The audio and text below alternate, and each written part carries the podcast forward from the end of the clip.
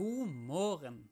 Dette er Morgentanker med Pionerkirken Stavanger, hvor vi ønsker å dele noen tanker til oppmuntring, inspirasjon og vekst i ditt liv med Jesus. Dagens bibeltekst denne mandagen i påskeuka er Johannes kapittel 11. Jesus som vekker opp Lasarus fra de døde. Og vi leser fra vers 32. Da Maria kom dit Jesus var og fikk se ham, kastet hun seg ned for føttene hans og sa, Herre, hadde du vært her, ville ikke broren min vært død. Da Jesus så at både hun og alle jødene som fulgte henne, gråt, ble han opprørt og rystet i sitt innerste. Og han sa, Hvor har dere lagt ham? Herre, kom og se, sa de. Jesus gråt. Se hvor glad han var i ham, sa jødene. Men noen av dem sa, Kunne ikke han som åpnet øynene på den blinde, også ha hindret at denne mannen døde? Jesus ble igjen opprørt og gikk bort til graven. Det var en hule, og det lå en stein foran åpningen. Jesus sier, Ta steinen bort. Herre, sier Martha, den dødes søster, det lukter alt av ham. Han har jo ligget fire dager i graven. Jesus sier til henne, Sa jeg deg ikke at hvis du tror, skal du se Guds herlighet? Så tok de bort steinen. Jesus løftet blikket mot himmelen og sa, Far, jeg takker deg fordi du har hørt meg. Jeg vet at du alltid hører meg. Men jeg sier dette på grunn av alt folket som står omkring, så de skal tro at du har sendt meg. Da han hadde sagt dette, ropte han høyt, Lasarus, kom ut! Da kom den døde ut, med liksvøp rundt hender og føtter og med et tørkle bundet over ansiktet. Jesus sa til dem, Løs ham og la ham gå.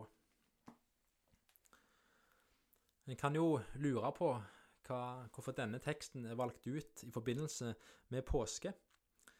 Eh, men dette er faktisk det siste underet som Jesus gjør før han reiser inn i Jerusalem og det er en av de mest gripende fortellingene eh, der det til og med står at Jesus gråter.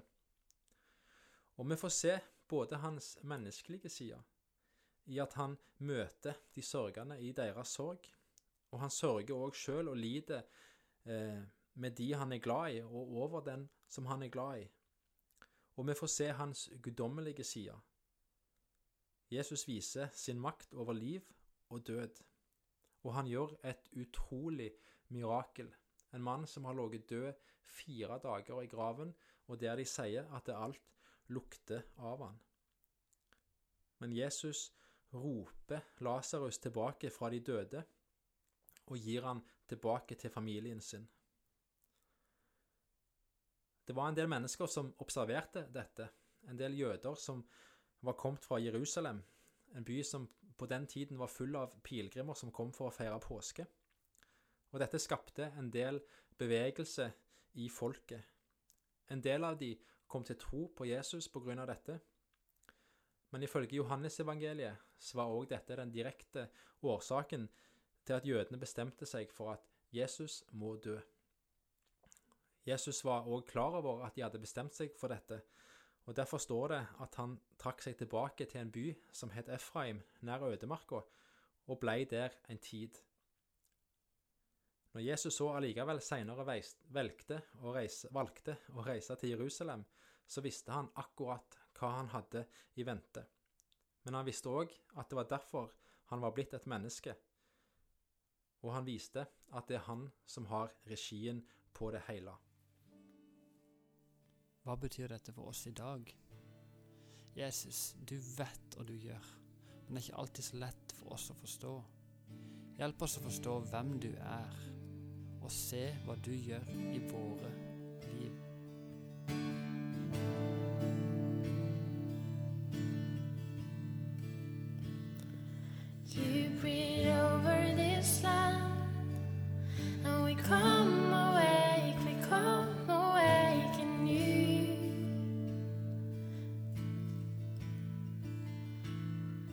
You breathe over this land, and you rise us up, you rise us up for you.